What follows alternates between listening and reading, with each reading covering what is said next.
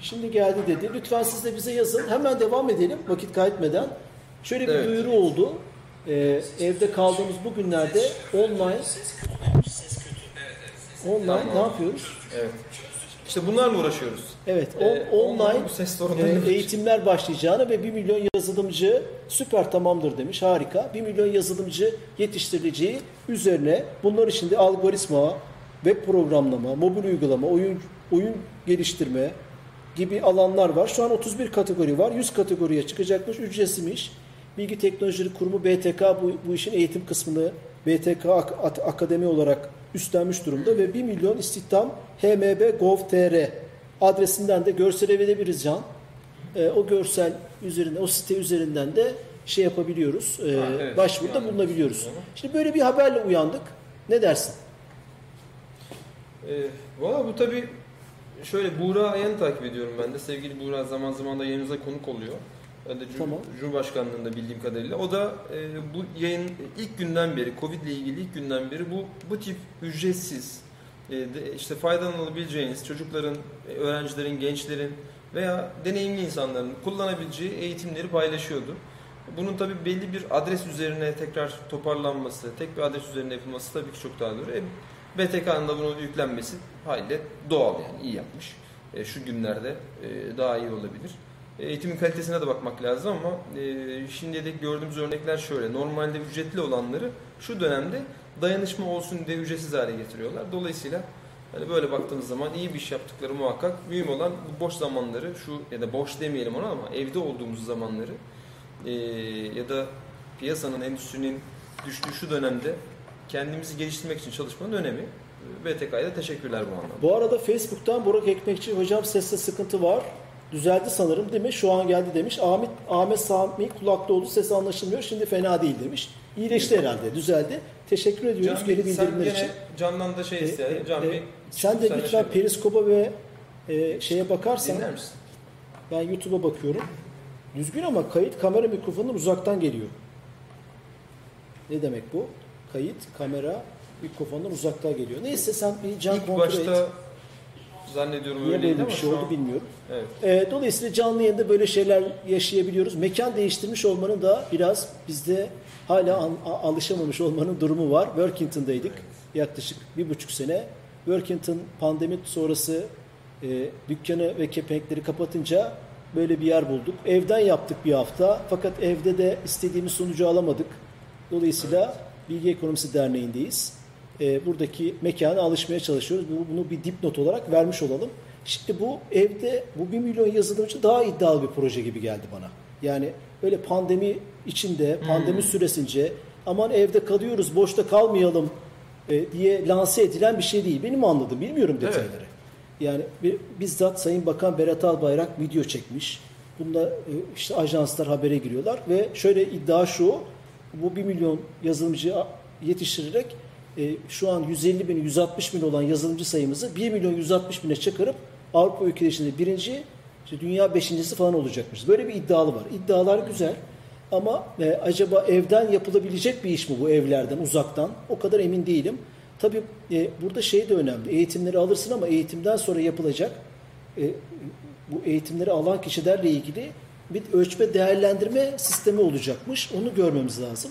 Yani belki uzaktan eğitimlerle mobil uygulama geliştirebilirsiniz ama bir siber güvenlik uzmanı ne kadar uzman olabilir tırnak içinde. Evet. Bunlar çok subjektif konular ama bu çıkılan yol güzel bir hedef, güzel bir motivasyon. Biz de çok acayip gazla birçok şeye başlıyoruz. Ee, bir sürü proje anlatırım ben sana son 10 senede 20 senede. Ama hangileri ne kadar başarılı olduğu ile ilgili şeyler var. Ee, belki biraz sonra konuşuruz. Sanki bu işleri devletin değil de özel sektörün harmanlaması, özel sektörün fişeklemesi, tetiklemesi daha iyi olacak gibi. Ama Fatih başta projesinde olumsuz bir şey konuşmak Evet, evet. mantıklı ve güzel değil. Dolayısıyla böyle bir haberimiz var ama görüşlerim de Evet. şey yani e, biraz tedirginim. Evet. Ama e, Siz böyle tedirgin dediğiniz için ben de sormuş olayım. Ee, Fatih projesiyle Tamam, ilgili Şimdi sesiniz güzel demiş Volkan. Tamam.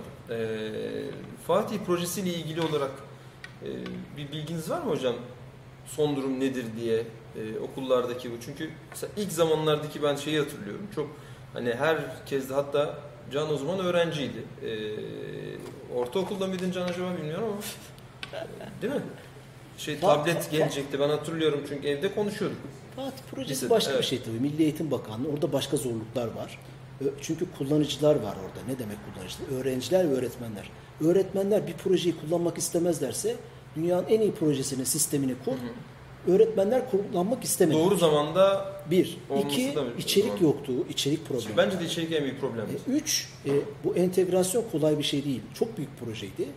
Dolayısıyla orada başka siyasi şeyler de var. Hani şimdi bizim konumuz değil ama Hmm. Tamam. bu Fatih projesini Türkiye'nin gündemine getirenler e, e, bir, bir süre önce Türkiye'nin başına bela olan ekipten arkadaşlardı. Dolayısıyla e, Fatih projesinin reddedilmesinde veya devam edilmemesinde e, e, o mirası, o bagajı almak istemeyenler de var. Çok karışık, Karışık, bir mevzu Fatih. O yüzden e, e, bir Bununla milyon- ilgili değil. Bununla ilgili değil Anladım. ama şu şuradan evet devlette süreklilik esastır ve hani bizim millet olarak da e, şöyle bir özelliğimiz var. Çok hızlı giriyor. Çok heyecanlıyız. Muhteşem bir şey bu. Muhteşem. Mutlaka. Her işimizde böyle. Fakat sonra giderek o inme aşağı doğru düşüyor.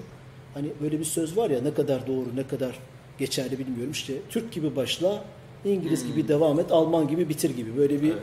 şey vardır. Yani o, o disiplini ilk baştaki e, başlarkenki T0 anındaki e, ilk aylardaki daha doğru ifadeyle heyecanımızı 1, 2, 3, 4 seneye yayamıyoruz. Bir tane haberimiz var. Yaydığımızda da başka bir şey oluyor. Yaymak gerekiyor. E, onu o haberde konuşuruz Tamam. istersen. Olur, Dolayısıyla tabii bu proje güzel bir proje. Umarım başarılı olur.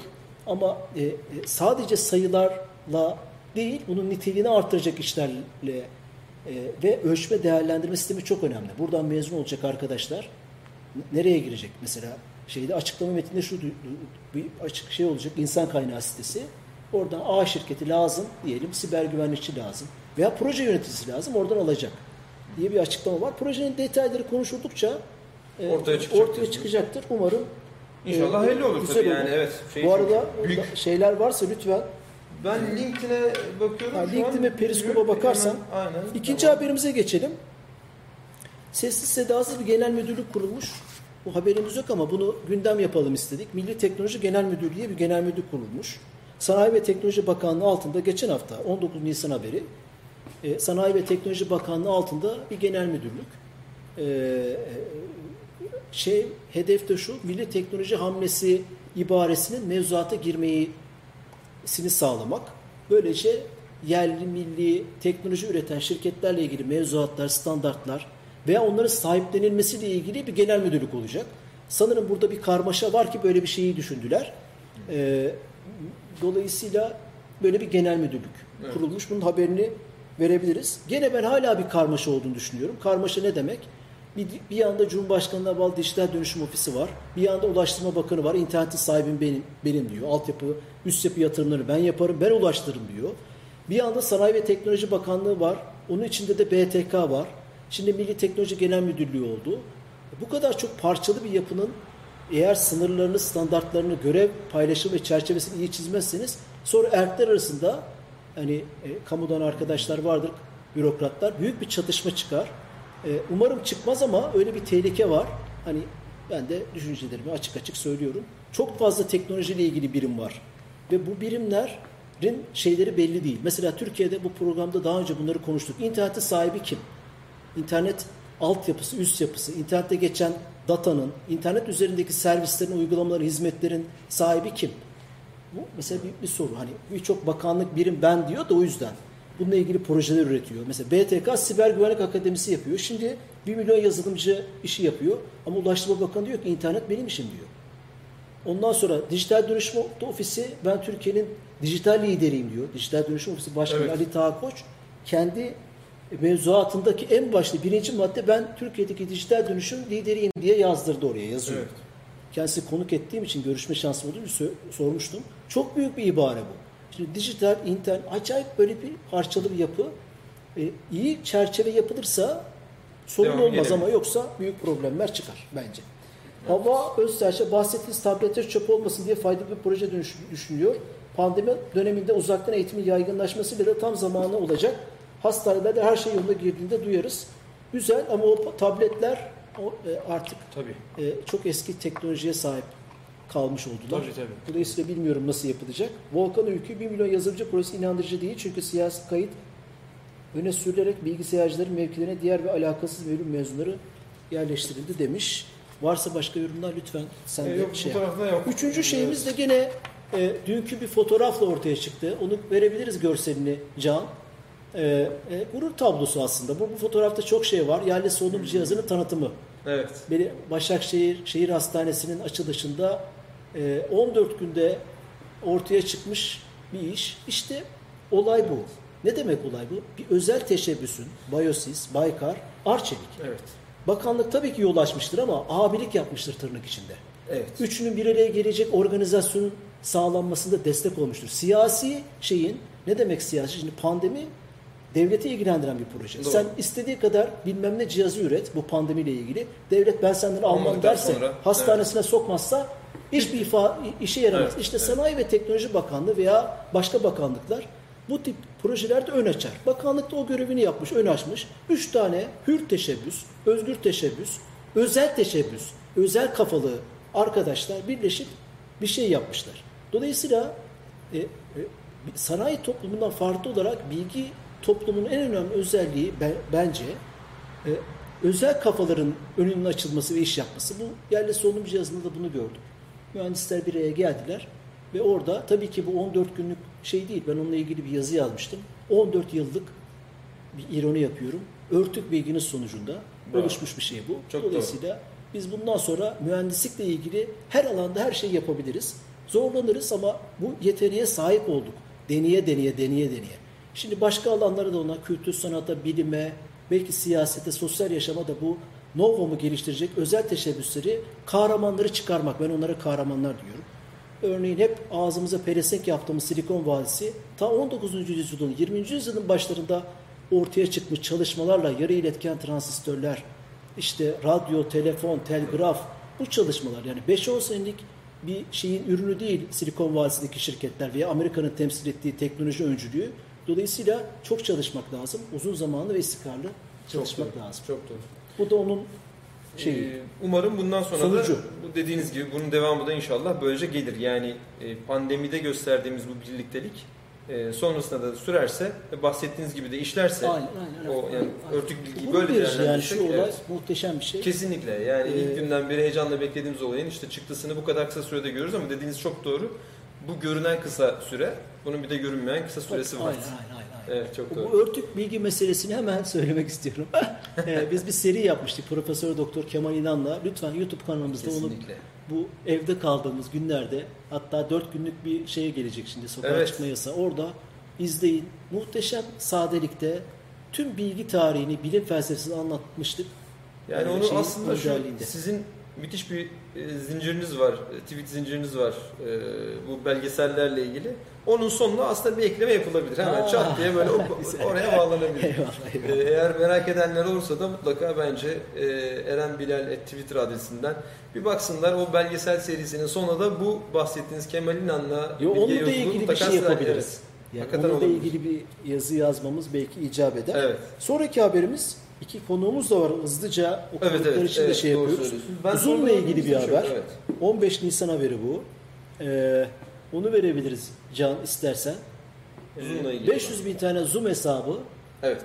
Deep Web'de satışa sunuldu diye Mashable'da bir haber çıktı 15 Nisan'da. Sonra bununla ilgili görüntüler, ekran görüntüleri falan da paylaşıldı. Ee, sonra ben biraz araştırdım. Gerçekten bu hesaplar satışa sunulmuş. Sonra da Zoom şirketi zaten bir metinle, bir basın Evet, açıklamasıyla bunu kabul etti. Doğru. Ee, hemen dedi ki e, ben biz kontrol edeceğiz. Siz de lütfen şifrelerinize, hesaplarınıza bir bakın. Klasik olarak. Böyle bir şey oldu. Lütfen Ne diyorsunuz de- bunun için?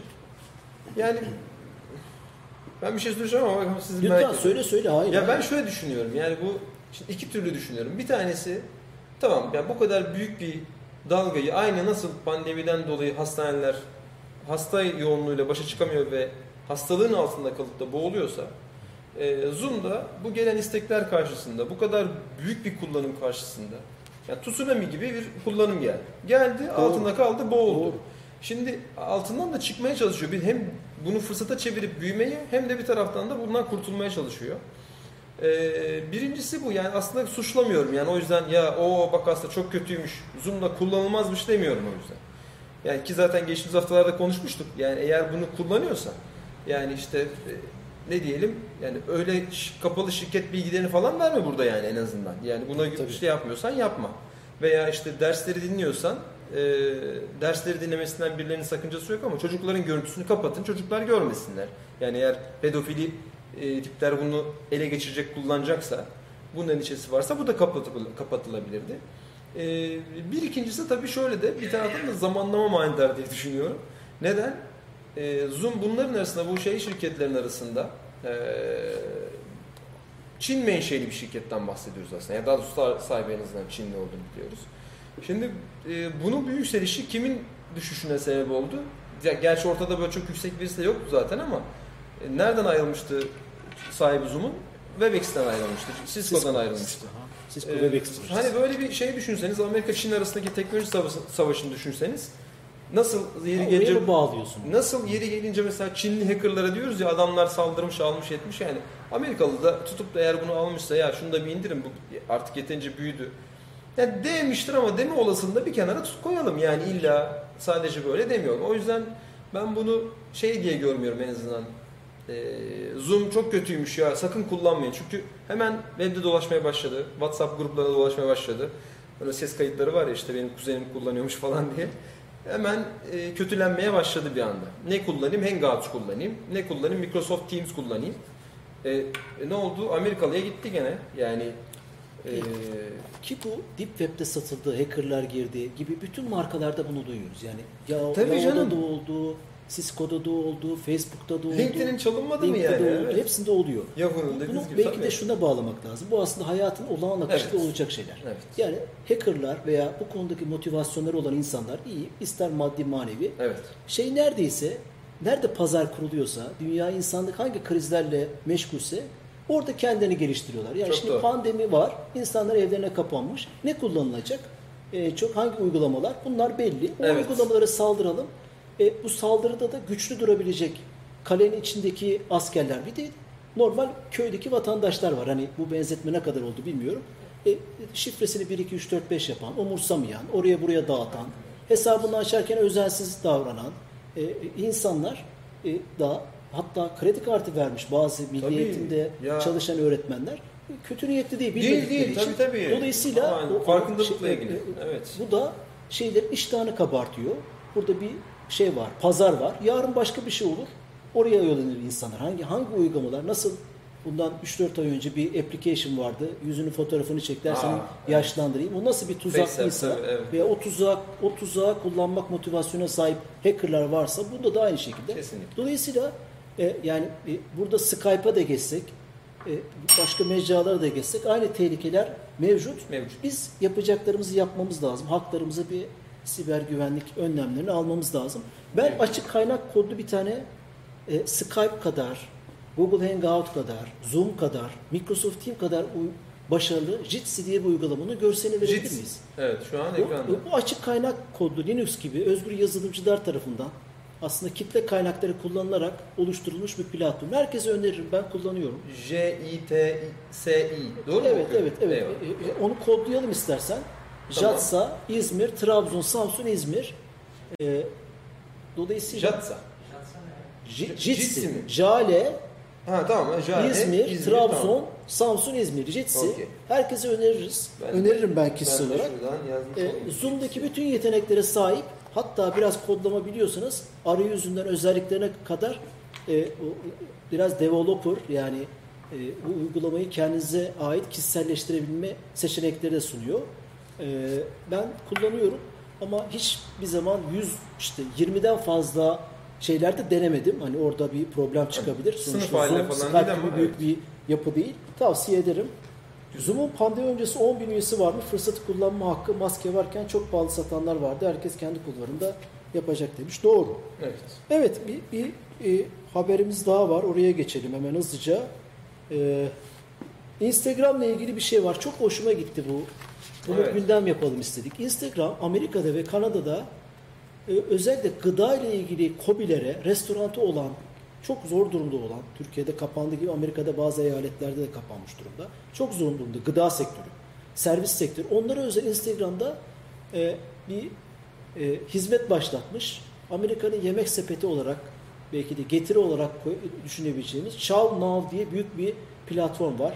Yemek sipariş sitesi. Onunla ortaklık yap- yaparak e, Instagram sayfası olarak kobilere ve girişimlere gıda üzerine satın alma linki ve hediye kartı yani Veriyor. direkt web sayfasında şey Instagram hesabında diyelim benim bir gıda Hmm. restorantım var kapalı veya işler kötü o programa giriyorum kendi direkt sayfama e, link vererek yemek siparişi verdirebiliyorum. Yani Instagram üzerinden yemek Komisyon, siparişi evet. platformu. Komisyon da yok. Almıyor. Evet. Çok güzel. Böyle bir şey yapmış. Belki bu e, bizimkilere de ilham Aynen öyle. Evet. E, buradaki yerli partnerlerle böyle bir işbirliği yapabilir. Ufak gibi görünüyor ama çok önemli. Evet, Instagram'daki Evet. oluşan hareketli ve popülasyonu düşününce insanların Kesinlikle. tek tıkla e, sevdikleri işte veya beğendikleri tatları sipariş edebilme imkanı. Hemen Chow Chetnov'un motosikletiyle beraber gelip veya işte Çok lokasyonuyla Yani evet. Oralarda bir de tabii bunlar daha da önemli. Türkiye'deki kadar mesafede kısa değil. O yüzden e, şey ne diyelim ona e, delivery dediğimiz olay ne Aynen. diyeceğiz? E, o teslimat haliyle e, çok daha önemli oradaki araç. Burada da bu arada hemen sokağa çıkmayan da Getir'in çalıştığını e, onun gibi hizmetlerin çalıştığını hatırlatalım. E, bence gerçekten şu dönemde çok kritik. Bir, bir arkadaş şey demişti. Hayat devam ediyor bir şekilde. Hayır, hayat devam ettiriliyor. Hmm.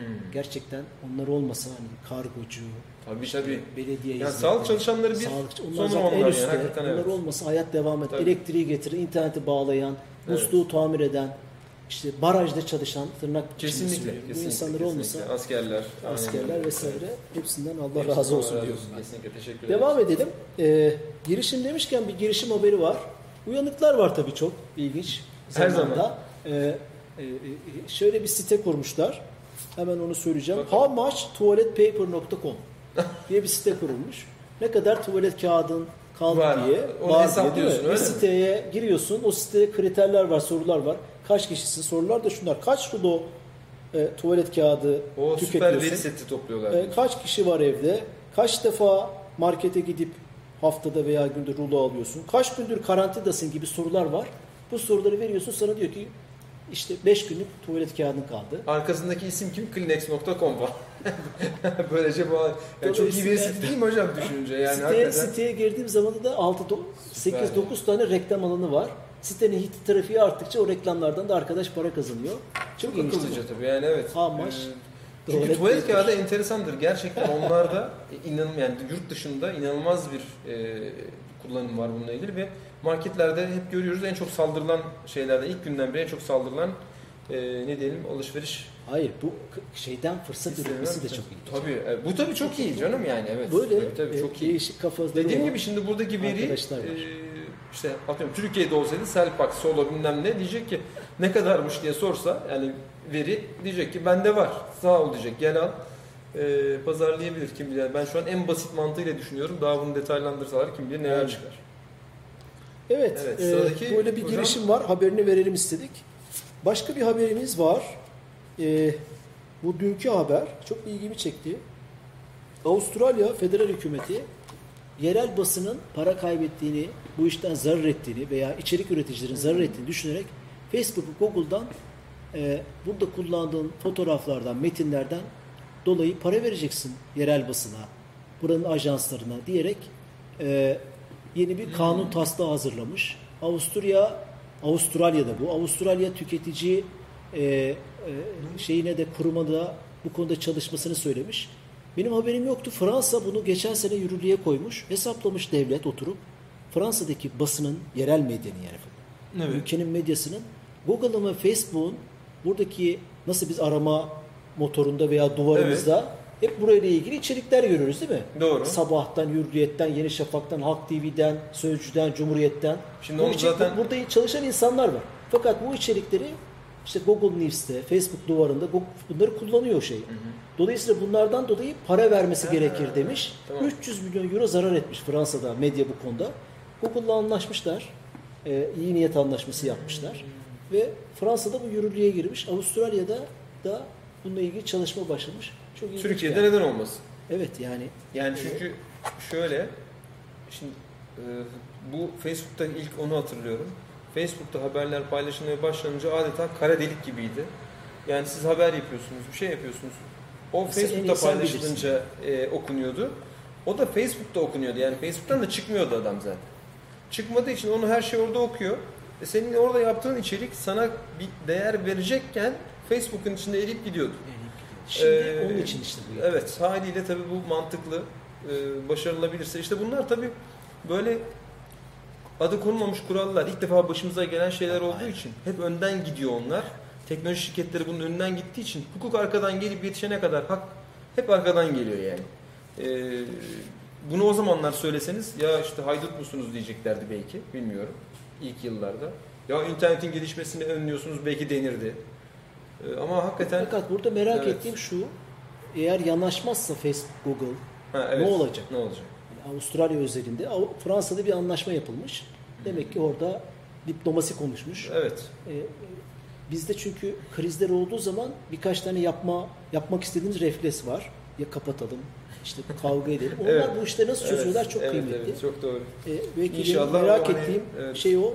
Bu izleyeceğim ve zaman zaman haber geldikçe buradan aktarmaya çalışırız. Tamam. Gene geçen hafta bir donanımla ilgili bir şey oldu. Biz bazen çok şey yapmıyoruz, Evet. konuşmuyoruz ama ilgimi çekti. Konuşalım, beraber karar verdik. Tabii. Apple e, daha önce çıkardığı bir modelin 2020 versiyonunu değil mi Cem? Evet. Çıkarmış evet, oldu ve en ucuz telefonu Apple SE Evet, aynen. e, diye satmaya başladı. Amerika fiyatı 399 dolar. Türkiye'de 5299 TL. Nasıl oldu Cem Bey? Yani şöyle, e, şimdi yayından önce de zaten retweet ettiğimiz bilgide de işte Apple'ın ucuz iPhone'u ucuz mu e, diye yazmışsınız. Çok yani güzel. Ya orada birincisi tabii Amiral bu birazdan da aslında Huawei de bağlanacak. O yüzden şey ama onlar da konuşabiliriz bunu. Kaan'la da konuşabiliriz ama şöyle diyeyim. E, tabii Kaan iPhone'la ilgili konuşmaz yani onu demiyorum da en azından şey yani onlarda da Amiral gemisi telefonlar var. hani onlar da bir şöyle diyeyim ben. E, iPhone Şimdi bu rakam her nasıl zaman buraya çıkıyor? her zaman bir şeyi var, değeri var iPhone.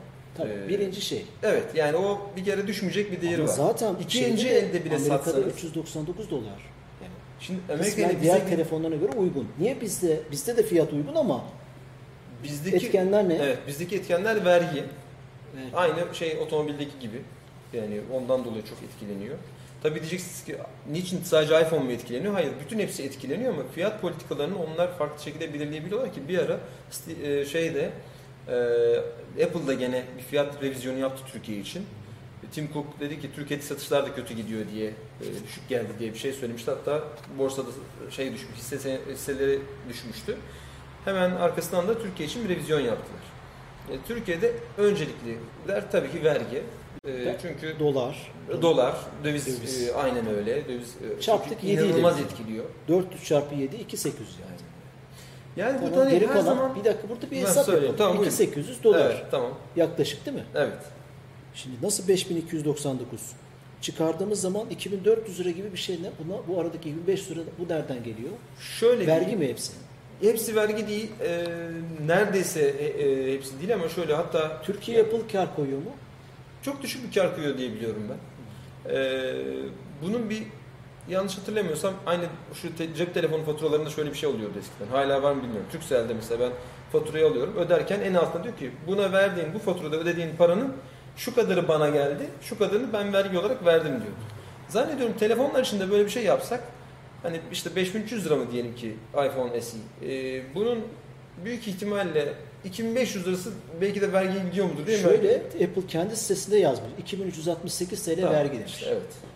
Yani Evet, doğrudur. yanlış anlamayın Bunu- diyor. Özür diliyor evet, kendince. evet. Bizim rakamımız buraya çıkmaz aslında ama 2368 TL. Ya bu şimdi sigara yarısı falan, vergi. olunca, sigara falan olunca sorun değil ama gerçekten teknolojik bir cihazı bu kadar yüksek para verirken insan tabii üzülüyor ama bu bütün cihaz, yani sadece Apple'da değil bu durum böyle. Yani herkes de böyle. Peki başkaları ne yapıyor? Yurt dışında 400 dolara sattığı telefonu daha düşük maliyette Türkiye'ye sokmaya çalışıyor ki böylece Türkiye'de o şey yakalansın. Hani buna yakalan. Ama tabii eskiden bunu ayarlayabiliyordunuz da şimdi artık döviz buna müsaade etmiyor. E bugün ben gelirken dolar şey Twitter'daki trendlerden bir tanesi dolar 7 TL diye bir şey vardı. Şimdi böyle Peki bu telefon zaman evet. yorumlara baktığım zaman ben gelmeden önce baktım. Fena bir telefon değil. 8 ile X arası kesinlikle. işlemciden falan kısmamış yani. Evet, A13 evet, evet. işlemci var. İyi bir telefon göründüğü kadar Doğru. ama 5299 TL, 5300 TL eder mi? Muadili daha iyi telefonlar var mı? Ya orada sorun şeye gelir. Yani Android tarafında başka bir şey yok mu? Var. Ee, ama o neyi tercih edeceğinize bağlı biraz da. Yani e, bana göre fiyatının ederi bir telefon. Ee, ben iPhone SE ki boyut olarak da e, seviyorum da e, bu iPhone SE'yi. Daha önce de şey vardı. SE'nin bir önceki modeli SE1 buna 2, 2 demediler ama gene bir SE vardı. O da Evet, bir, iki, çok sevilen kasanın aynısı fakat yeni güçlerle yani güncel özellikler eski kasa idi. Şimdi de aslında aynı şeyi yapmış oldular. Gene aynı şey. Yani eski kasa yeni özellikler. Şöyle diyebilir miyiz? Apple stokları eritmek için yapıyor bunu. Kasa stokları, eski stokları. Bence- yorum okudum ama. Ben ben şöyle değerlendiriyorum. Ee, şimdi sadece yeni yüzden gittiği zaman yüz tanıma ki bu arada parmak okutma artık şu, şu maskeler bizde yer sabitlenirse yüz tanımadan daha önemli hale gelecek parmak okutma. Çünkü artık yani şunu şöyle yapıyorsun yani çıtanı falan yaptırıyorsun. O yüzden hani öyle söyleyeyim doğru bir zamanda bir, bir şey de olabilir ama parmak okutma o e, o formu seven çok parmak okutmayı tercih edenler de hala var.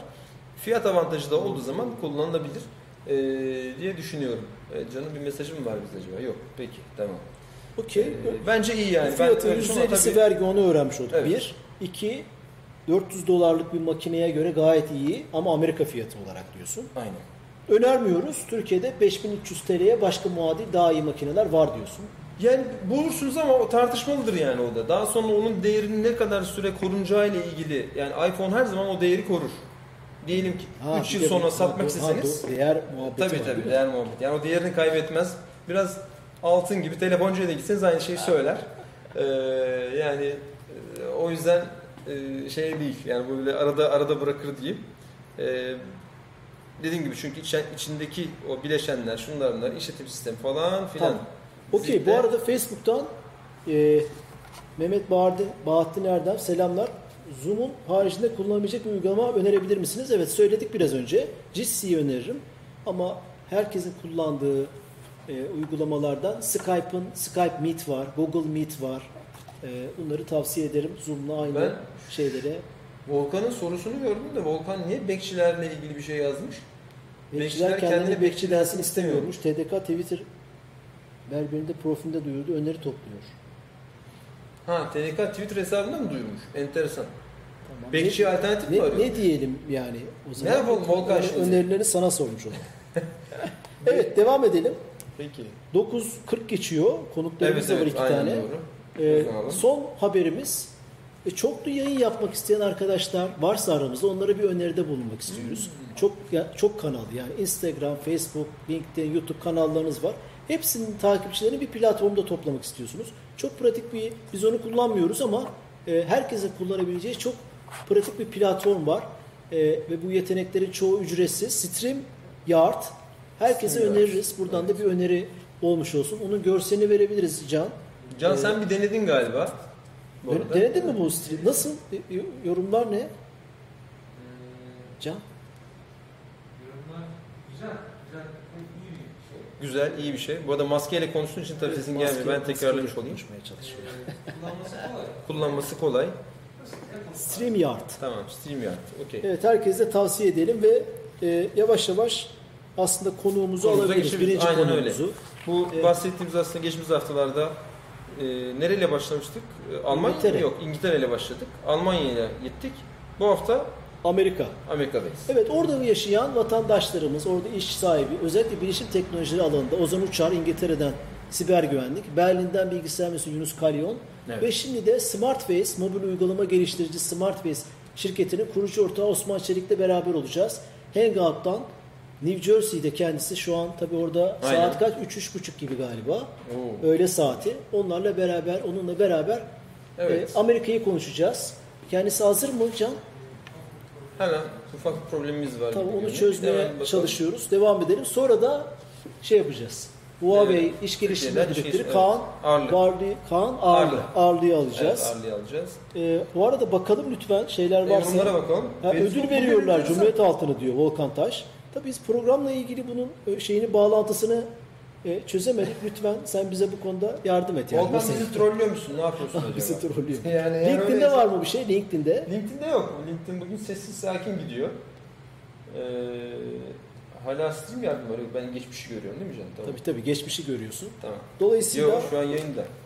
Yanlış. Ben doğruyu görmüşüm. öyle mi? Evet. Evet Osman yakalandım. Çelik hazır mı Can? Ee, Osman Çelik bizi bir saniye için Evet arıyor ve Tamam, evet okey. ve bakıyoruz. Galiba yayınımıza al- almış olacağız kendisini. Bakalım. New Jersey'den kendisi katılıyor. Osman Çelik hoş geldin. Hoş bulduk, merhaba, selamlar. Ee, sesin gayet iyi, görüntün iyi. Bizim sesimiz nasıl geliyor sana? İyi.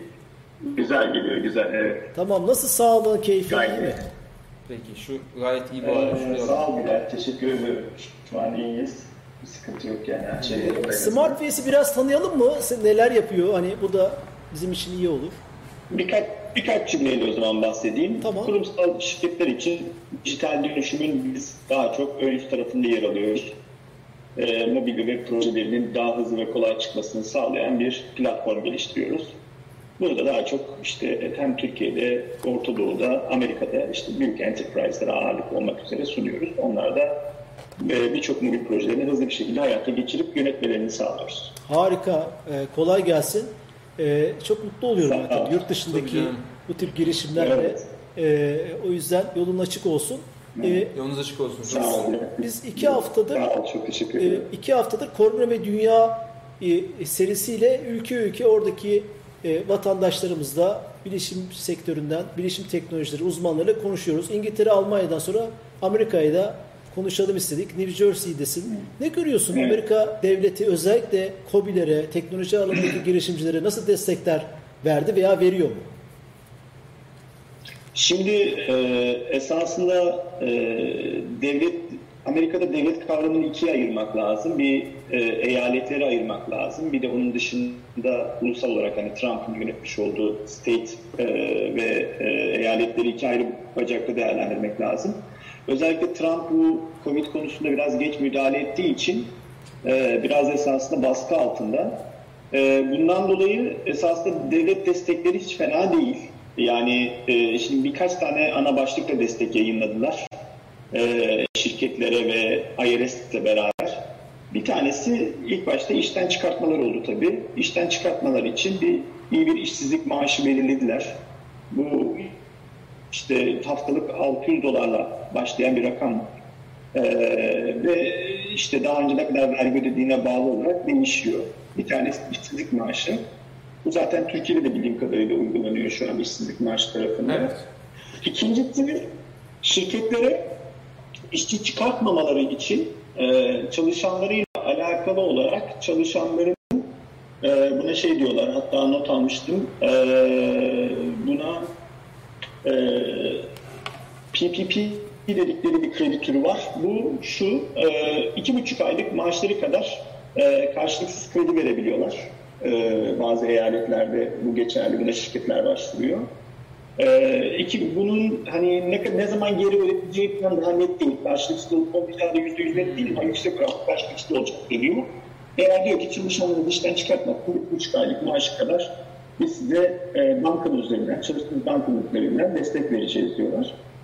Ee, bir üçüncüsü, e, bunu da yine globalde e, tüm vergi veren ailelere yani vatandaş olsun veya olmasın yetişkin başına 1000 dolar e, çocuklar için de 700 dolar olmak üzere bir kireye mahsus bir yardım uygulanıyor. Yani biz mesela işte iki çocuk ve iki yetişkiniz 2000-3400 dolar karşılıksız hatta o çek meselesi biliyorsunuz Trump üzerine ismini yazacak vesaire falan, Evet. falan muhabbetleri çok oldu. Ee, öyle bir destek var. Ee, bir diğeri e, yine e, bayağı geniş çapta özellikle business'ı bu işten çok etkilenen işte restoranlar, kuaförler vesaire gibi yerler için e, bir ayrı bir destek paketi daha açıklandı. Yani yaklaşık 5-6 farklı kalemde destek paketi açıklandı. Bunu söyleyebiliriz. Senin senin başvurduğun, o deneyimi yaşadığın var mı e, şirketin için? Şimdi birincisi e, bu ailen için yapılan destek için bir başvuruda bulunmuyorsun. Eğer geçen sene vergi verdiysen vergi verdiğin banka hesabına e, 3400 liralık bir ödeme gerçekleşiyor. Herkese mi? şey Herkese, yok. herkese Herkes- istisnasız. Evet, evet. 3400 dolar mı? Evet. Yok. Rakam yetişkin başına 1000 dolar, çocuk başına 700 dolar. Yani ben kendim için örnek veriyorum 3400 doları. Bu İstisnasız. yetişkinler için evet istisnasız bunu herkese yapıyor.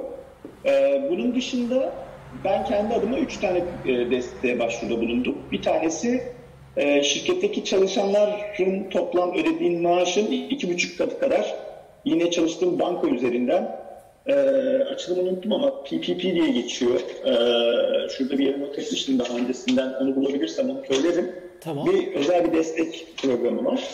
Bu destek de şirketler için, e, çalışanların işten çıkartmamaları için yapılmış bir destek.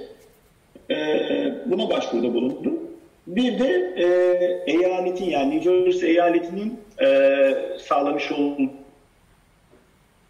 özel bir destek sitesinden başvuruda bulunuyorsun. O da orta ve uzun vadeli bir kredi desteği veriyor. E, şirketin yine büyüklüğüne bağlı olarak. Aslında bayağı kapsamlı Bunların paket. faiz oranları. Yok yok bence bayağı bir ciddi destek uygulandı. Buradaki tek sorun şu. Bu süreçler çok hızlı ilerlemiyor. Yani işte bu biliyorsunuz Mart'ın başından beri Covid sürecinin devam ettiğini düşünürsek Nisan'ın ortasına geldik ama henüz bir şey yok. Ödemeler e, işten çıkartmaların dışında pek gerçekleşmiş değil. E, süreç yavaş ama destekler iyi diyebilirim yani. Ailenize olan gelen e, sizin için o destek geldi mi bankaya? Yok o da gelmedi. O da gelmedi. Ee, onu da bekleyin diyorlar. Bankanıza yatıracağız diyorlar. Muhtemelen orada bir işte dedikodu dönüyor. İşte çekler yazıldı ama işte Trump sonra ismini yazmak istedi çeklerin üzerine. Ee, işte kendi bunu sağlıyormuş gibisinden vesaire. Ee, çekler gönderilecek yeniden postalanacak vesaire diye bir şey geçti. Seçimler de geliyor tabii. Kasım'da ya da Aralık'ta seçim var. Belki ona bir Evet, yatırım yapmak tabii. istiyor acaba. E, bu Bence bu süreçte evet Trump bayağı negatif etkilendi. Ama ben biraz önceki haberde yine ilginç bir şey gördüm. Trump'ın politikasını destekleyen bir iki unsur daha var. Bu arada bence Trump için şu an en kötü şeylerden bir tanesi de bu petrol durumu. Özellikle güçlü olduğu bölgelerde, Texas vesaire gibi eyaletlerde petrolü biliyorsunuz fiyatlarının düşmüş olması ekonomiyi çok negatif etkiliyor. Petrol fiyatlarını arttırmaya çalışıyorlar. Çünkü petrol kuyudan çıkıyor ve bunu durduramıyorlar. Depolayamıyorlar. Şimdi hatta petrol olan yerlere e, ekstra para vermeye başlıyorlar öyle söyleyeyim. Böyle bir takım şeyler var geçici olarak biliyorsunuzdur. Konumuz Evet. değil ama petrol de önemli bir gündem yani. Şu an e, yaklaşık 10 yıl 15 yıl önceki fiyatlara geri döndü petrol. evet o da değişik bir Evet, hiç olmayacak yani- bir şey Evet, olmuş tamam. Çok, Peki şey e, şeyi merak ediyorum. Tabii şey. sen teknolojinin göbeğindesin orada şirketlerle. Hem yakinen takip ediyorsun, iş Evet. yapmaya çalışıyorsun. Bu şeyden nasıl etkileniyor? Uzun uzun sürerse nasıl etkilenir? Ne görüyorsun? Mesela Silikon Vadisi çok öne Şimdi çıktığı için soruyorum. Şimdi birincisi çok yüksek işten çıkartmalar oldu. Şimdi Amerika'nın bir olayı şu bence. Ee, Amerika'da maliyetler çok yüksek. İnsan maliyetleri ve özellikle Silikon Vadisi'nde veya yetişmiş yani IT alanında yetkin profilleri çalıştırma maliyetleri çok yüksek. Şirketler için en büyük tehlike de şirketler büyüdükçe esasında sübvansiyon şeyleri azalıyor. Çünkü özellikle startuplar vesaire organizasyonlar büyümeye başladığında e, büyük şirketin batması daha kolay oluyor. Çünkü aylık giderleri inanılmaz yüksek oluyor. Birincisi teknoloji alanında da çok fazla işten çıkartma var. E, çünkü insanlar önünü göremiyor.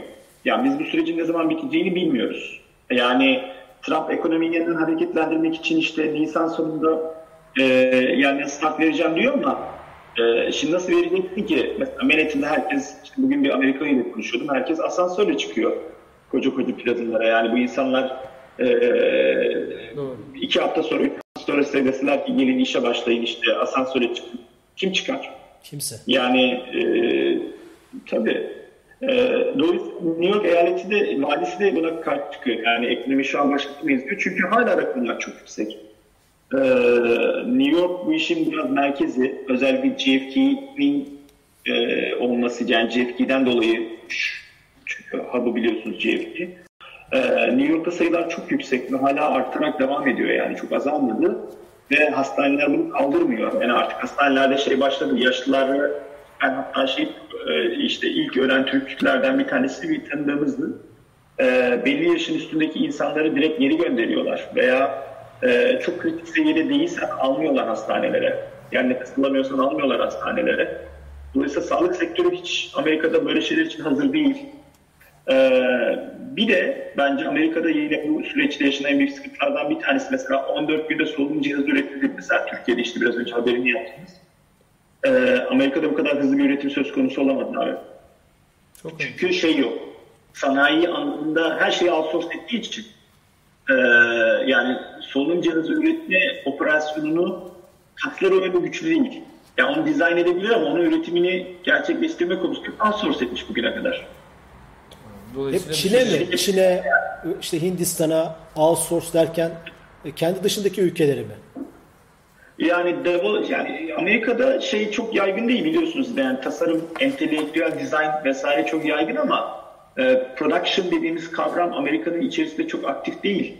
Yani e, dolayısıyla işçilik çoğunlukla hep dışarıda gerçekleştiği için e, Amerika kendi içerisinde bu kadar hızlı refleks veremiyor. Bir de büyük olmasının da bunda tabii etkisi var. Mesela hani Türkiye'de bu işi yapabilecek 5 tane kurumu bulup bir araya getirip hükümet nezdinde aksiyon alabiliyorsunuz ama ben Amerika'da bu şeyi bu kadar hızlı bir refleks verilemedi mesela. Yani solunum cihazı üretme konusunda bence mesela Türkiye kadar başarılı olamadılar yani. En azından benim şu ana kadar gördüğüm kadarıyla böyle bir şey yok. Örnek yok yani. Bazen küçük olmanın hareketlik kazandırdığı ilgili bir teori aslında bu değil mi? Çok büyük yapıların Doğru. hareket etmesi zor ama Bir de kas, bir de kas gücün. Kas gücün yani Türkiye'de üretim yönünde kas gücü nispeten bence fena değil. Sürekli outsource edildiği için işler e, tekstil alanında veya sanayi alanında vesaire e, otomotiv alanında. Bir yan sanayi gelişmiş yani, yan sanayi sanayi. anlamında bir kas gücü var. evet mesela bu bizim artımız çok önemli. Çok doğru söyledi Şey, hakikaten. şimdi pandemi dolayısıyla yurt dışına da şey yapamıyor. Herkes sınırları kapatmış durumda. Sen de önce ben Amerika diyorsun, önce Amerika diyorsun. Sen de kapatmışsın. Dolayısıyla Evet. mesela çok önemli bir tespit bu. Şey de çok büyük tabii yani işte o şey derler ya too big to fail diye bir şey var. Yani düşmek için bile çok büyük. E Şimdi o da dert yani ama düşünce de az önce verdiğiniz örnek de o yüzden çarpıcıydı yani Silikon Vadisi'ndeki o büyük şirketler de ma- masrafları büyük olduğu için aslında tutunamıyorlardı. Çünkü hiç kimsenin bu kadar büyük bir kriz beklentisi olmaz haliyle. Yani işte en fazla Evet. ne olur? Şu olur, bu olur diyeceğimiz mevcut ekonomik, sistemde bir sıkıntı olmasını beklerler. Ama kimsenin böyle bir şey... Öngörülmeyen bir Evet, şey. Evet, evet. öngörülmeyen. Evet, o yüzden tabii enteresan. Bu, bu büyük Doğru. şirketlerin büyük ücretli a- şey çalıştırması işte Google, Facebook gibi hani ilk çırpıda hemen aklımıza gelen şirketlerin nasıl bir politikaya dönerler? Artık sen bayağı bu konuda öngörü sahibisin. Ne dersin? Yani e, yani şu an çok, onu bir çok kestiremiyorum ama bir kere e, şunu biliyorum yani Amazon, Microsoft'ta, Google'da vesaire çalışan arkadaşlarımız var. Onlarla sohbet ediyoruz. Bir kere kimseyi kaybetmek istemiyorlar. E, ve herkese uzaktan çalışma konusunda yaklaşık Seattle'da da e, burada da ben ama onu şunu söyleyebilirim. Özellikle New Jersey eyaleti için de söyleyebilirim. Yani birkaç tane ilginç bir şey var. Ben bir kere yaklaşık 5-6 haftadır izolasyon var. Ee, 6 haftadır hayat durmuş durumda yani. Ee, yaklaşık 5-6 hafta önce bizim New Jersey'de sokağa çıkma yasağı değil ama bütün işte restoranlar her şey kapatıldı yani. Sadece pick-up delivery, var. Gidip satıp alabiliyorsunuz. Ama e, her yer kapatıldı 5-6 hafta önce. Ee, birkaç tane e, güzel gelişme. E, ücretsiz Covid testi yaptırabiliyorsunuz. Yaklaşık e, 28 tane Covid test merkezi açıldı. Sadece Bir de Jersey. önemli bir bilgi. Bir de önemli bir bilgi. E, Covid hastası olduğunuz zaman ücretsiz bakılıyorsunuz Amerika'da. Devlet karşılıyor yani. E, şeylerden dolayı. Masraflarınızı devlet karşılıyor. Tam tersi haberler var eğer. halbuki Türkiye'de. Çok pahalı vesaire ücretli diye ama Evet, demek ki bir ara, bir ara doğru çok konuşuldu değilmiş. ama zannediyorum herhalde artık orada da bu sonradan elde edilen bir mi yoksa ilk anda mı böyle oldu? Yani benim bir, birkaç haftadır bildiğim bir gelişme de yani Evet, detayını bilmiyorum ne zamandan beri böyle ama Covid konusunda eğer bir hastalığa maruz kalırsanız veya belirti gösterirseniz ücretsiz test oluyorsunuz ve hastalık süresince de ücretsiz bakılıyorsunuz. Biliyorsunuz Amerika'da devlet hastanesi diye bir kavram yok. Evet. Ee, en azından benim bildiğim kadarıyla yok yani. Doğru, doğru. Hastane kavramı her yer özel yani. Dolayısıyla da normal bir atıyorum diş operasyonu veya normal bir bakım çok pahalı. Ama e, bu Covid süreciyle alakalı devlet bu konuda bir program başlatmış ve ücretsiz hizmet alabiliyorsunuz. Sorun şu, hastaneler dolu. Evet. Yani Çok sayıda hastane Hastanelere özel olduğu zor. için de her tarafta yok haliyle. Çünkü özel yani o kadar Evet. çok açmaya gerek görmüyorlar. Haliyle en çok nerede Pazar kazanılır var diye. yatırım için. Tabii. Evet. Devlet öyle bakmaz Evet. olaya ama. Evet, evet. açılacak dediği zaman açar bir yer. Yani bir şehir hastanesi mantığı orada olması mümkün değil. Yani hiçbir zaman olmaz. Çünkü işte öyle bir şey para getirmeyebilir. Ee, Dolayısıyla ücret- hayatla Evet. ilgili de aslında ipuçları vermiş oldun. Amerika neyi doğru yapıyor, neyi doğru yapamıyor? Ee, dışarıda hem içeriden hem dışarıdan bir göz olarak Türkiye'yi de gözlemleyen biri olarak. Bir, ya birincisi e, izolasyonu en azından kendi yaşadığım bölgeler için söyleyebilirim. New York ve New Jersey için söyleyebilirim. Çok iyi yapıyor. İzolasyon bayağı başarılı. Yani sokakta hayat bitmiş durumda. Ee, bunu iyi yönetiyorlar. Bütün eğitim vesaire filan her şey remote'a dönmüş durumda. Ee, zaten yazılım şirketleri, teknoloji şirketlerinde çok büyük bir verimlilik kaybı olmadı. Onlar zaten uzaktan çalışmaya çok yatkın e, organizasyonlardı. Orada çok sıkıntı, yaşanmadı. İyi yaptığı şeyler bu. Bence kötü yaptığı şey, yani kötü demeyeyim ama işte olduğu hususlar bir tanesi yardım paketleri e, maalesef ulaşmadı hala. Ve Amerika'da insanlar esasında tanıdığı kadar zengin değil. Amerika'daki bir konuştum da e, insanların yüzde ellisinin de e, iki haftalık şey parası yok yani cebinde. E, Evet. Günlük kazanıyorlar yani aslında. Günlük yaşıyorlar bir nevi. Ses haftalık gitti. günlük yaşıyorlar yani insanlar. Evet. E, günlük haftalık yaşıyorlar. Dolayısıyla yardım paketlerine ulaşması çok kötü bence. Hala ulaşmamış olması. Evet. Ee, yani e, Ben şu, ses şeyde geç kalındı. evet. ben şunu sormak Yani- istiyorum. Ee, Osman Bey ne, ne dersiniz bu uygulama konusunda yani teknoloji konusunda peki yazılım şirketleri az önce biz mesela haberde de görmüşsünüzdür belki Instagram işte Çolpov'da bir çalışma yapmaya başlamış. E, onların bu uzaktan e, işte özellikle yiyecek şirketleri, bu delivery şirketleri, e, teslimat şirketleri onların bu dönemde yaptıkları ekstra bir şey var mı? E, yani normalde o yoktu ama şimdi bunu da koydular. O yüzden insanlar işte yiyeceklere böylece erişebiliyorlar. E, daha önce şunu duymuştum mesela hiçbir şekilde dışarıda sandalyesi, bir masası olmayan restoranların olduğunu, sadece teslimat için kurulmuş restoranlar, e, ne diyelim onları? Zincirleri. E, zincirler duymuştum. Yani aslında dışarıdan hiç yok, sadece internette varlar. E, bu tabii Covid'den önce duymuştum. E, ne diyorsunuz? Bunlarla ilgili şimdi orada bir çıkış söz konusu mu? Şimdi bence bu süreçte yine en önemli yaşanan şeylerden bir tanesi. Amerikalılar dışarıda yemek yiyip alışık biliyorsunuz. Ee, bu süreçte yaşanan en büyük sorunlarından bir tanesi de şey, ee, e, bu süreçte yaşanan en büyük sorunlardan bir tanesi de insanlar sipariş vermiyor. Yani insanlar dışarıdan yemek yemiyorlar. Dolayısıyla da esasında herkes artık yapmaya alıştı bir anlamda. Ee, bu biraz geci değiştirdi diyebilirim yani. Anladım. Evet. O zaman da tabii haliyle Ee, Şey hızda çok, pick-up servis sayısı da çok. Ses Çünkü sağlık açısından evde yemek yemek istemiyorlar. İstemiyor. Yani şey dışarıda yemek istemiyorlar. Dışarıdan sipariş de çok fazla veriliyor yani. Peki çok teşekkür ederiz. Ya bu, şimdi orada gündüz vakti tam iş vaktinde aslında işini de bölerek e, Evet. yayınımıza kattık seni. E, e, lütfen işine devam et. Çok teşekkür ediyoruz. Şeref verdin. Biliyorum Bilal, e, sizinle yayından sohbet etmek, seni de görmek olmak çok güzeldi. Sağ ol. Kolay Teşekkür gelsin. ederim. Selamlar Teşekkürler, herkese. Görüşürüz. Güle güle. Evet, e, Smart Face kurucu ortağı Osman Çelik'le beraberdik. Evet. E, kendisine başarılar da diliyoruz. Hemen şeyi de alabiliriz. Kaan'ı da alabiliriz. Kaan Kaan'ı da alabiliriz. Bu arada e, İbrahim Mat e, selamlar göndermiş e, Periskop'tan ve Karel gibi firmalar az bulunur demiş. Az önce şirketlerden bahsediyorduk. Evet. O sırada yazmış. Onu da atlamış olmayayım Yusuf Bayram. Evet Amerika'yı konuşmuş olduk. Dünya ve korona Evet. serimizin Amerika. Bakalım haftaya kimle Oradan beraber geçtik. olacağız. Ee, Aynen. ama oradaki hem ekobileri, girişimleri, bak farkları görüyor musun? İngiltere, Almanya nasıl bir devlet? Kesinlikle. Bu pazar günü başvuruyu yaptın, salı günü hesabında geldi. Amerika'da da e, başvuru yapma süreci kolay ama hesaplara düşmemiş daha. Evet. Türkiye'ye benziyor o anlamda Amerika. Türkiye'de de bu işsizlikle ilgili e, pakete başvurularda inceleme yığılmış durumda takip ettiğim kadarıyla. E, kaderlerimiz benziyor. Doğru, ü- doğru, ülkeler. Yani e, aslında tabii enteresan. Biz mesela Amerika gibi böyle hani hastane sistemini karşılaştırsan aynı yerde değiliz. E, Kaan da gelmiş bu sırada. Aynı değiliz. E, diğer taraftayız. Ya biraz bizim ekonomik gücümüz sanki işte burada. Biz biraz böyle hani kaleciler e, kontrapiyada kalır ya. ya. Biz sanki öyle bir kaldık gibi geliyor bana. Yani daha iyi yakalansaydık hani tabii işte şey ama biraz zor yakal zorda yakalandık. zor da oyunu bozar. Kaan e, sanırım yayınına almak Alacağız. üzereyiz. Kimle beraber olacağız? Evet. Huawei Türkiye İş Geliştirme Müdürü Kaan Arlı. Neden onunla beraber? Neden onlar e, eski bir teknoloji türü? Ee, Pozitif ayrımcılık mı yaptık? Yok şöyle e, aslında tabii e, bu HMS Türkçe'de de aslında böyle söylüyorlar. O yüzden ben de böyle söylemiş oldum. Huawei'nin bu e, mobil servislerini e, daha önce biz çok işledik tabii Huawei'nin başına gelenleri bu yayınlarda. Özel program yaptık biz Huawei'yle. Aynen öyle. Tabii. Tek yani e, başlı başına bir program yapıldı burada.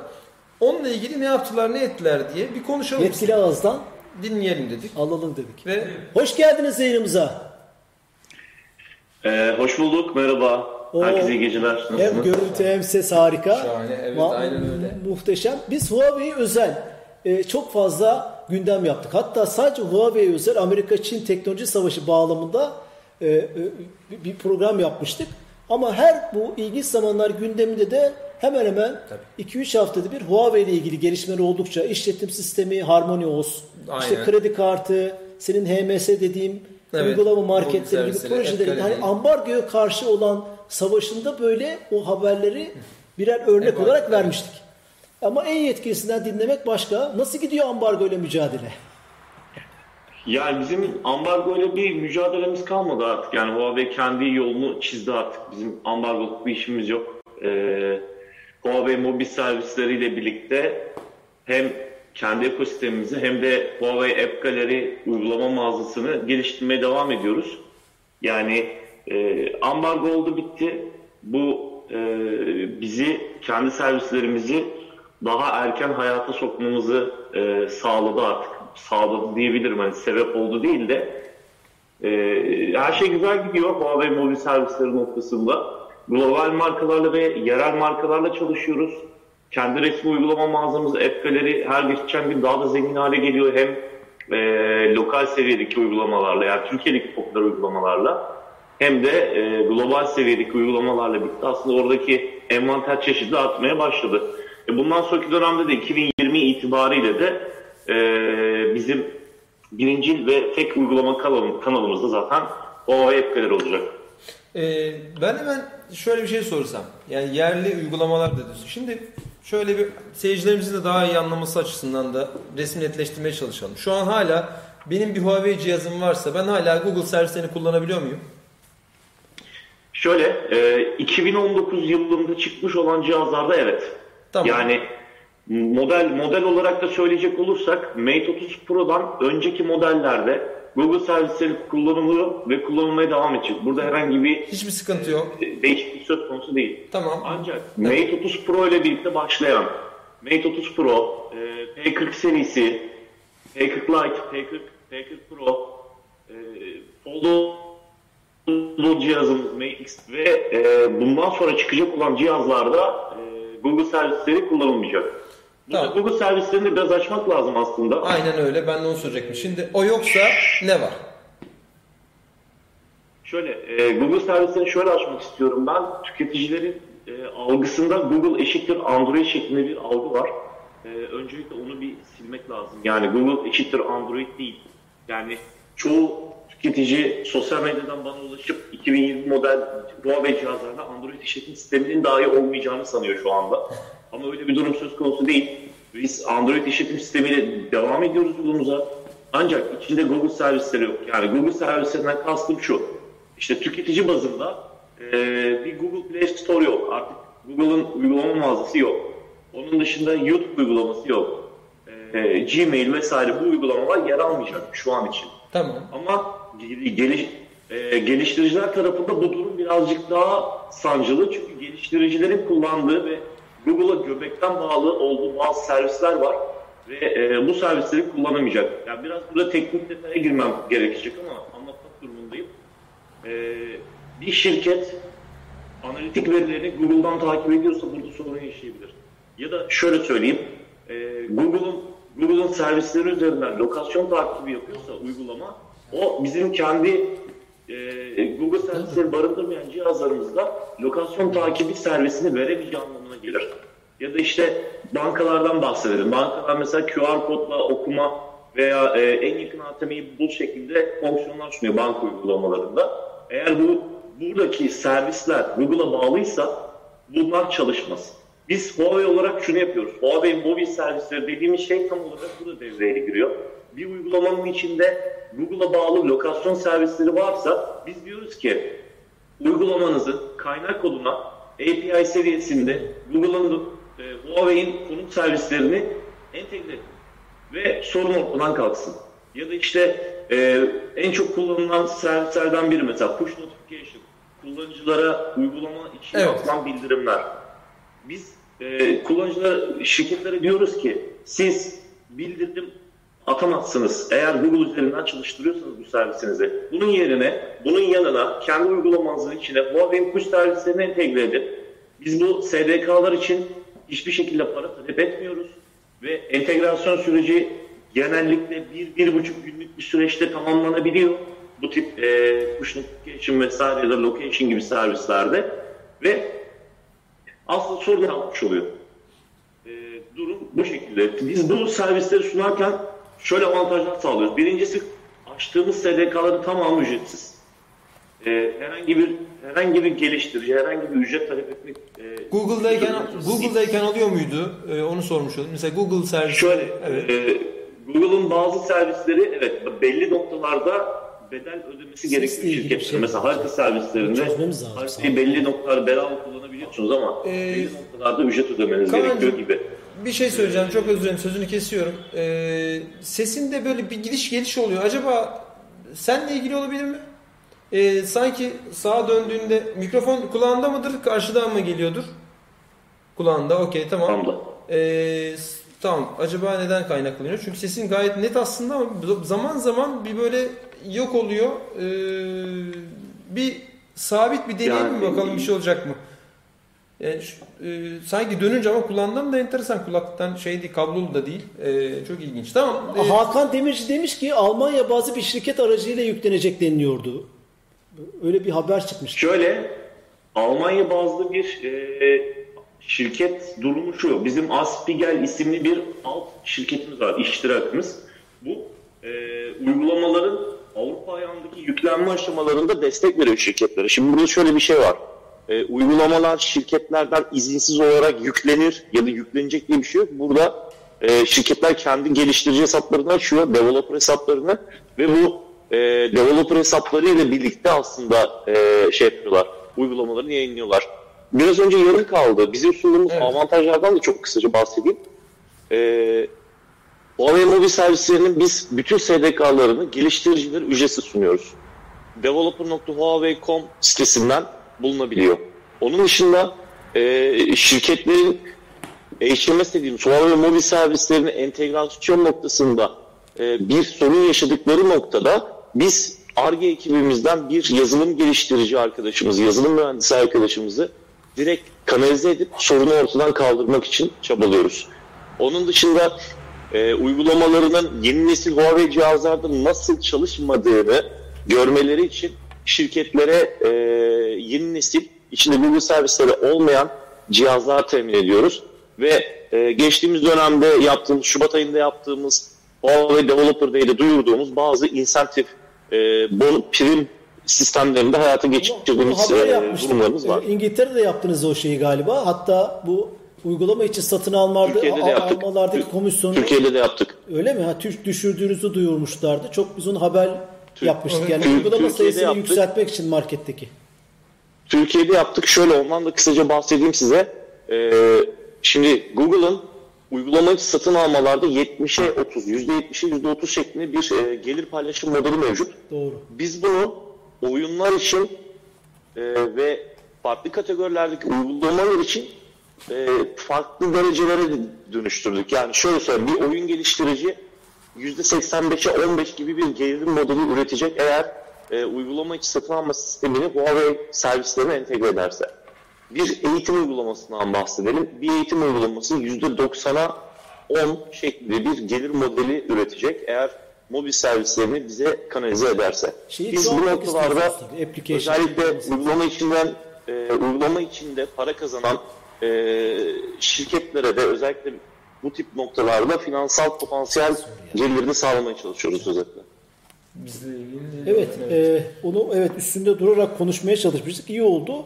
Birkaç soru var ama başka bir konuyla. Tabii, Sizin tabii, bu şeyinizi yani kötü ev sahibi ev e, işte ev sahibi yaparmış e, mantığından Evet. yola çıkarak işletim sistemi çalışmanız işte bu application galeri uygulamanız vesaire bunlar çok şey e, geçen hafta da sanırım Avrupa'da bir arama motoruyla anlaştı. Onu da haber yapmıştık. Google arama motorunu da telefonlardan çıkarmayı hedefliyorsunuz. Doğru mu? Ee, şöyle Google'ın arama motoru akıllı cihazlarda iki farklı tipte çalışıyor. Birincisi widget şeklinde kullanılan bu arama barı şeklinde Evet. olan. Bu Google'ın zaten lisanslı servislerinden bir tanesi. Yani GMS dediğimiz servislere bağımlı. Bu zaten bizde olmayacak. Ama ikinci noktada e, web tarayıcıların telefonlardaki tarayıcıların içinde default search engine şeklinde e, varsayılan arama motoru şeklinde bir alan var. Orası ücretsiz bir alan yani Google'a bağımlılığı lisanslı olan bir alan değil. Orada şirketin kendi inisiyatifi var. İster dahil eder ister etmez. Huawei bundan sonra e, Google'ın herhangi bir servisine kendi telefonlarına yer vermeyecek. Yani bu Huawei browser'da da e, default olarak Google arama çu- fonksiyonu yok. Ama tarayıcıdan google.com'a girip herhangi bir arama yapmanızda bir sakınca yok. Orası ayrı bir konu. E, Avrupa'da bir arama motoru şirketiyle yapılan bir işbirliği mevcut ama bu bizim kendi çizdiğimiz rotamızın dışında bir e, destekleyici bir birim olacak aslında bakarsanız. E, şirketin başka çalışmaları var. Şu an burada e, telaffuz edemeyeceğim bazı başka çalışmaları mevcut zaten bu konularla da alakalı. Uygulama mağazası App Gallery'e de şöyle değinelim. Ee, şu anda dünyanın en büyük üçüncü uygulama mağazası oldu ki sadece bir yıllık süreç içinde. Yani son bir, bir buçuk yılda yapılan bir yatırım söz konusu Huawei App Gallery'e global bazda. Ancak e, şu an için 400 milyon globalde aylık aktif kullanıcıya ulaştı. E, ya, aylık olarak 200 e, aylık olarak 120 milyara yakın download rakamı almaya başladı. Bu rakamlar çok ciddi rakamlar. E, Türkiye'de de ciddi seviyelere ulaştı hem envanter anlamında hem de e, kullanım anlamında. Bir soru var, bir soru var. Hemen soralım mı?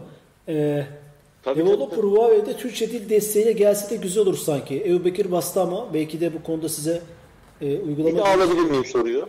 E, Developer Huawei'de Türkçe dil desteği de gelse güzel olur sanki. Toplam 9 dil var, 9 dil var sitede. Türkçe yok mu acaba diye olacak mı diye soruyor. Yani şöyle, şöyle Türkçe olur mu? Türkiye'den ne kadar talep geldiğine bağlı. Şu anda e, orada yeteri kadar talep gelmezse öyle bir dil seçeneği olmaz ama hani bir geliştiricinin iyi kötü İngilizce bile bil, yani bilmesi gerekiyor diye de düşünürsek yazdıkları kodlar, kullandıkları yazılımlar, aldıkları eğitimler yani orada İngilizceyle bir şekilde bir yere kadar götürülür ama Türkçe dil desteği developer sitesinin alacağı, e, Türkiye'den alacağı taleple orantılı değişir. Ama biz bununla alakalı e, ben hani şahsi olarak merkeze HQ'ye talebimi iletirim.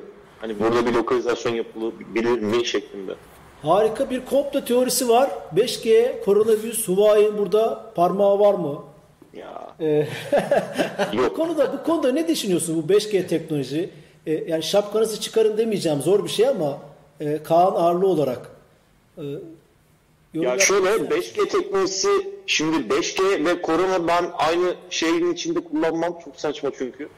Ee, yani çünkü 5G ve koronayı aynı cümlelerin içinde kullanmaya başladığında iş birazcık böyle politik noktalara da gidiyor. Hani ben bir Huawei personeli, Huawei çalışanı olarak kendi bir kenara koyuyorum. Ben normal hayatımda da çok siyasetin, politikanın içinde olmayan bir insanım. Hani o yüzden e, iki şeyi yan yana getirmeyeceğim. Ama teknoloji olarak 5G gerçekten çok heyecan verici. Biz e, şeyde kendi ofisimizde, merkezimizde, kapalı ortamlarda 5G testlerini zaten uzun süredir yapıyoruz. Hani e, 5G'nin özellikle mobil data transfer hızlarında çıktığı limitler inanılmaz seviyede ve şirketin 5G üretimi noktasında evet kurumsal çalışmaları mevcut ama tüketicileri de alakadar eden şey yeni nesil telefonlarda bu hızları sonuna kadar destekleyebilecek donanımlara yer vermesi. Tabii bu noktada şu önemli, operatörler ne kadar e, iyi iş çıkartacak burada o önemli. Biz altyapı olarak her şeyi sunuyoruz şu anda. Peki Kaan sen bu işin içinde birisi olarak sormuş olayım. 5G'ye geçiş sırasında lisans masrafı çıkacak mı operatörlere? Ee, şöyle 5G anlaşmaları noktasında benim bir bilgim yok. Çünkü o Huawei'nin artık Carrier Network Business Group dediğimiz alanına giriyor. Ben e, tüketici elektroniği bir, bir iş birimindeyim.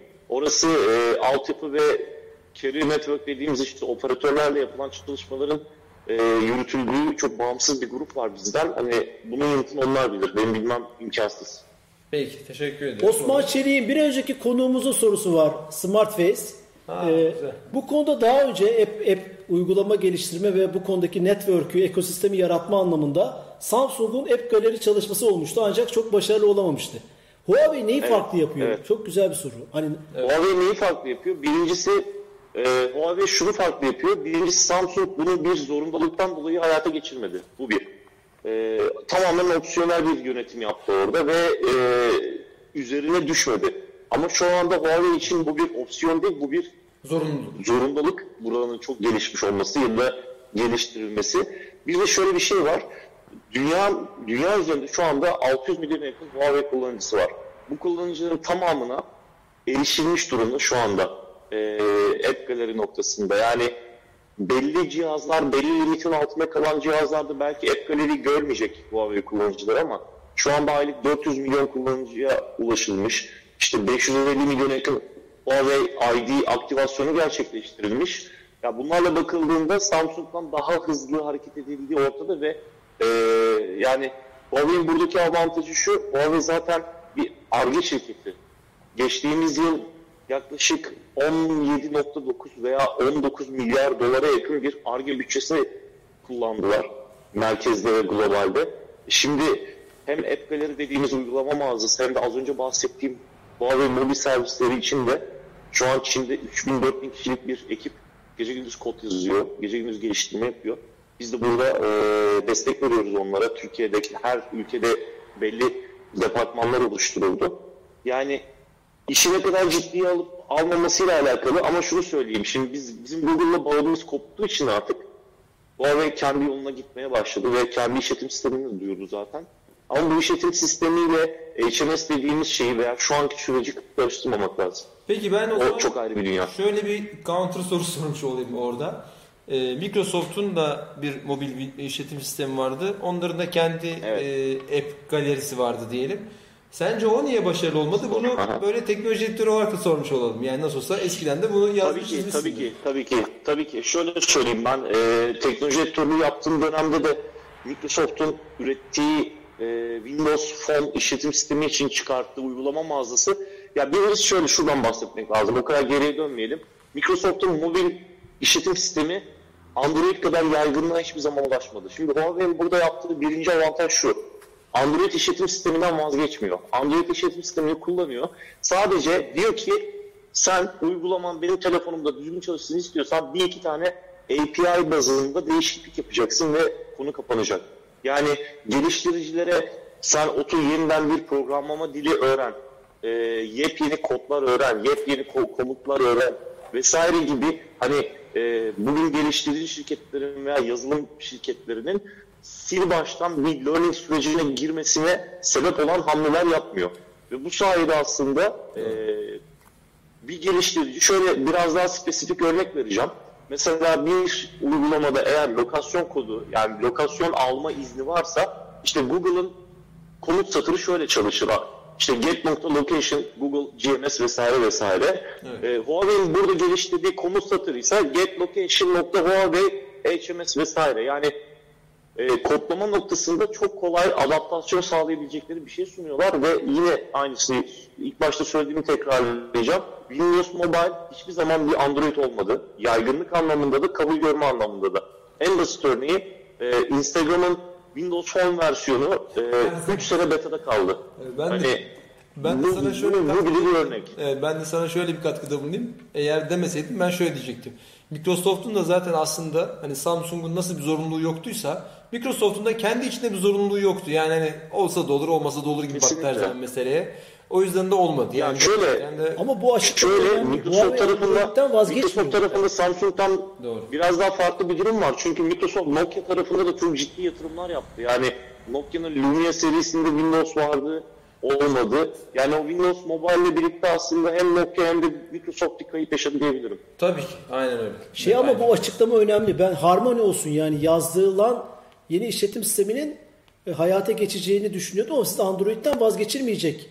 O rotada devam edilecek deniyor. Şöyle Doğru mu? Şöyle şimdi e, Harmony Harmony işletim sistemi e, Ağustos 2019'da duyuruldu. Çin'de Huawei Developer Conference etkinliğinde duyuruldu. HDC'de duyuruldu.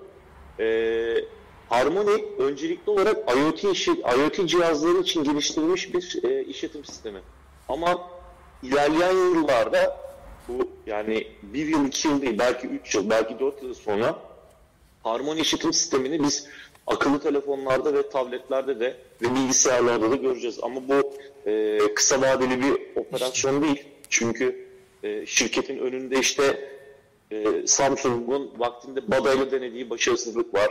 İşte Tizen'le denediği akıllı telefonda tutmayan projesi var. İşte Microsoft az önce konuştuk Windows Mobile var. E, şirketin önünde bu kadar örnek varken ki en büyüğü de bu arada Nokia'nın Migo işletim sistemidir. E, Nokia'nın sonu oldu yani o işletim sistemi resmen. E, bun- bunlar varken şirket ben Harmony işletim sistemini çıkardım. Al bu da Harmony'li telefon deyip riske girmeyecek. Bunun önemli. için biraz daha beklememiz lazım. Ama her şey hazır olduğunda Harmony işletim sistemi e, akıllı telefon, saat, kulaklık, tablet, e, otomobil, bilgisayar, laptop, tablet hepsini bağlayan bir araya getiren bir işletim sistemi olacak. Ama bunun için daha çok zaman var. Ee, bir soru daha var. Telefonlar değişmek zorunda mı 5G geldiğinde? Teknoloji uzmanınıza istinaden soralım. Yani 5G uyumlu telefon alacağız. Yani şöyle e, 5G destekli bir e, yani 5G modem içeren bir cihaza geçirilmesi gerekiyor. Tabii 5G'den faydalanabilmek için. Aynen öyle. Türkiye tarafında ulakla anlaşmalarınız var mı? Türkiye'de çok güçlü değil mi? İlişkileriniz de iyi hem, hem siyasetle hem devletle gördüğüm kadarıyla. Tekrar alabilir miyim soruyu? Tekrar Türkiye? Türkiye özelinde kamuyla e, e, ilişkileriniz çok iyi Huawei'in gördüğüm kadarıyla. Burada Türkiye'deki durumlar nasıl? Biraz böyle birkaç cümleyle. Ya Huawei'in Türkiye'deki durumu ve pozisyonu gayet iyi. Yani e, pazar payı anlamında da, marka bilinirliği anlamında da, müşteri memnuniyeti anlamında da.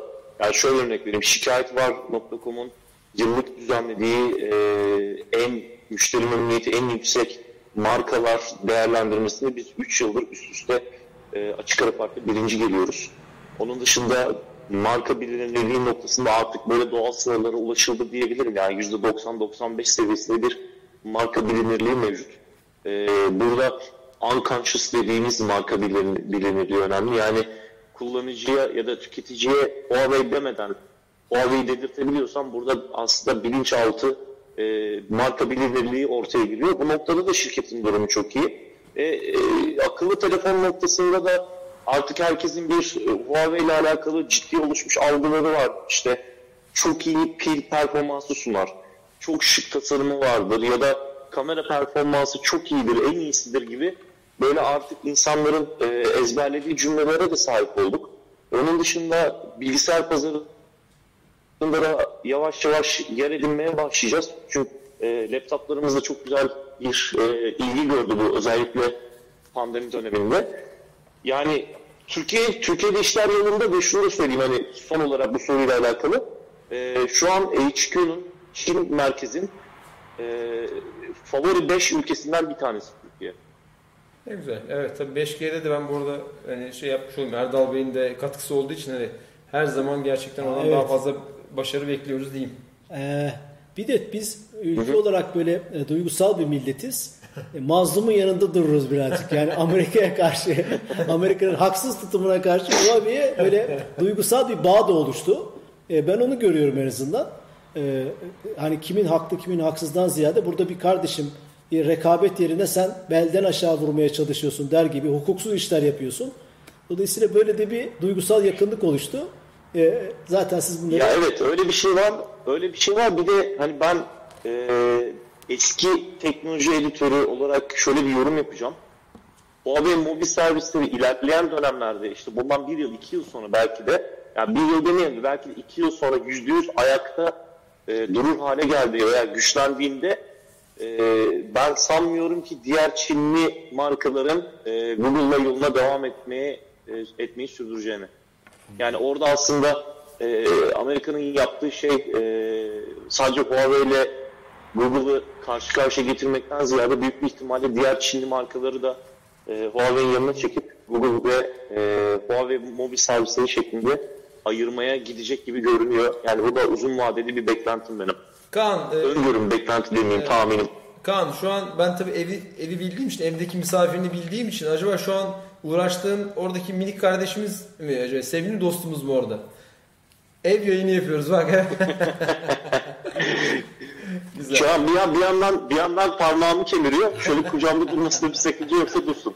Bence Çünkü dursun. kucağımdayken uslu duracak. Bence dursun aynen öyle. Ee, çok teşekkür ederiz. Ben tabii eski teknoloji editöründe takıldım yani. Teknoloji eskisi yenisi olmaz bence. Yani o artık varsa bir insanın içine girdiyse Bulaşmış tabii, evet. e, e, eski diye bir şey Ya olmaz. 9 yıl, evet 9-9 yıldan do- 2010'da başladım öyle söyleyeyim. İşte 2019'da da sonlandı ama o, o DNA duruyor yani tabii ki. Durur, o e, hiç, hiçbir zaman bitmez yani. Güzel. Dolayısıyla şeref verdiniz. Harikaydı. Teşekkürler Kaan'cığım. Teşekkür ederim. Yani başka başka soru varsa istiyorsanız onları da alabilirim. Sohbet Genelde har güzel şeyler var. Emeğinize sağlık. Harika program sizinle Esra ilgili. Şirin sağ olsun evet Ee, kendisine güzel selamlar. güzel ifadeler var. Dediğim gibi Huawei ile ilgili duygusal bir bağ var. Bu korona tabii nasıl etkiler genel bakışı onu bilmiyorum ama dolayısıyla o, e, teknoloji anlamında olumlu bir şeye sahipsiniz. Çok teşekkür ederiz. Rica ederim. Ben teşekkür ederim. Görüşmek üzere Kaan'cığım sevgiler. Görüşmek üzere. Görüşmek üzere. Bay bay. Evet, e, çok değerli iki konuğumuz vardı. Smartface Osman Çelik ve Huawei Türkiye İş Geliştirme Direktörü Kaan Arlı'yla e, gündemdeki iki konuyu konuşmaya çalıştık. Yani bizim hep gündemimizde olan iki konuyu daha doğrusu. Ve gündemimizi de size aktardık. Bu haftadan itibaren şöyle bir karar da aldık. Her programın sonunda bir kitap bir de belgesel önerelim tavsiye. size, tavsiye edelim diye e, karar aldık. E, ilk belgeselimiz e, Reddit'in kurucusu Aaron Schwartz ile ilgili. Herkese tavsiye ediyoruz. Türkçe altyazılı, internette basit arama motoru marifetiyle bulabileceğiniz bir e, belgesel. E, Reddit'in e, kurucusu 2013'te intihar eden ilginç bir hayat hikayesi var. Hatta internetin çocuğu diye belgeselin ismi de. Tam Ödüllü bir belgesel. evet, The Internet's Own Boy Aaron Schwartz Story değil mi? Evet. E, dolayısıyla herkese tavsiye ederiz. Çok da spoiler vermeyelim. Aynen öyle. Ee, e, bir kitap önerimiz olacak. Başucu kitaplarından biri. Daha önce birkaç defa daha önermiştik ama bu seriye de onunla başlayalım istedik. Eric Schmidt ve Joret Kaye'nin Google'ı Google yapan iki adamın kitabı e, tamamen Google'ın niçin kurulduğunu, nasıl bir dünya gördüğünü, neye dönüştürmek istediğini bundan yaklaşık 15 sene önce yazmışlar ve şu an ona dönüşmüş durumda diyebiliriz. Dolayısıyla muhteşem bir projeksiyon kitabı o yıllar için ama herkesin Evet. okuması lazım. Kitap Türkçe, dolayısıyla Türkçe olarak bulabilirsiniz. İn- Belgeseli de Türkçe, Türkçe alt yazıyla bulmanız mümkün. Her hafta yapalım bu belgesel Kesinlikle, ve kitap güzel. önerilerini. Evet. Sizlerin de katkısı olsun. LinkedIn'den Yusuf selamlar, Selamlar, evet, yayınlar selamlar demiş. göndermiş. Teşekkür ediyoruz. Facebook'tan, Periskop'tan, YouTube'dan e, bize e, LinkedIn'den selamlar söyleyen, önerilerde bulunan, İzleyen. e, yorumlayan, izleyen herkese teşekkür ediyoruz. Lütfen bize destek olmaya devam edin. Herkese önermeye, e, kusurlarımızı, hatalarımızı söyleyin. Evet. Gündem yapmasını istediğiniz şeyleri söyleyin. E, bugün bayağı sağlam bir yayın yaptık. Evet gene Bir buçuk saat rahat oldu. rahat açtık aynen. Harika. Çok teşekkürler. İyi akşamlar. İyi akşamlar.